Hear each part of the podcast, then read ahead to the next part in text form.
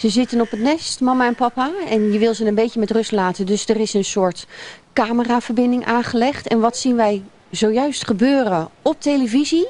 Een van de drie jongen wordt verorberd door moeder. Het kuikentje was waarschijnlijk s'nachts al overleden.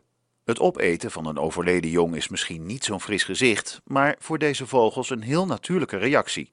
Overigens zijn dit beelden waarop te zien is hoe een rat naar binnen wordt gewerkt. Als het kuiken natuurlijk in het nest uh, blijft liggen, dan, uh, dan wordt dat uh, op den duur gaat dat verteren. En dat is niet zo, zo, schoon natuurlijk voor de andere jongen.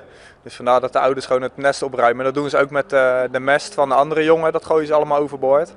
En zo ruimen ze dus ook een overleden kuiken op. In de natuur gebeurt het vaker dat een van de jongen het niet overleeft.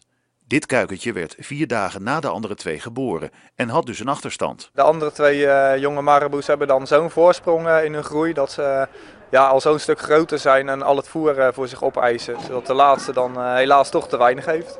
Normaal gesproken wonen de maraboes in het vogelverblijf van Blijdorp. Maar omdat de Afrikaanse vogels niet kunnen wennen aan de Nederlandse winters, zitten ze tijdelijk binnen. Het is voor het eerst dat de maraboes worden geboren in de diergaarden.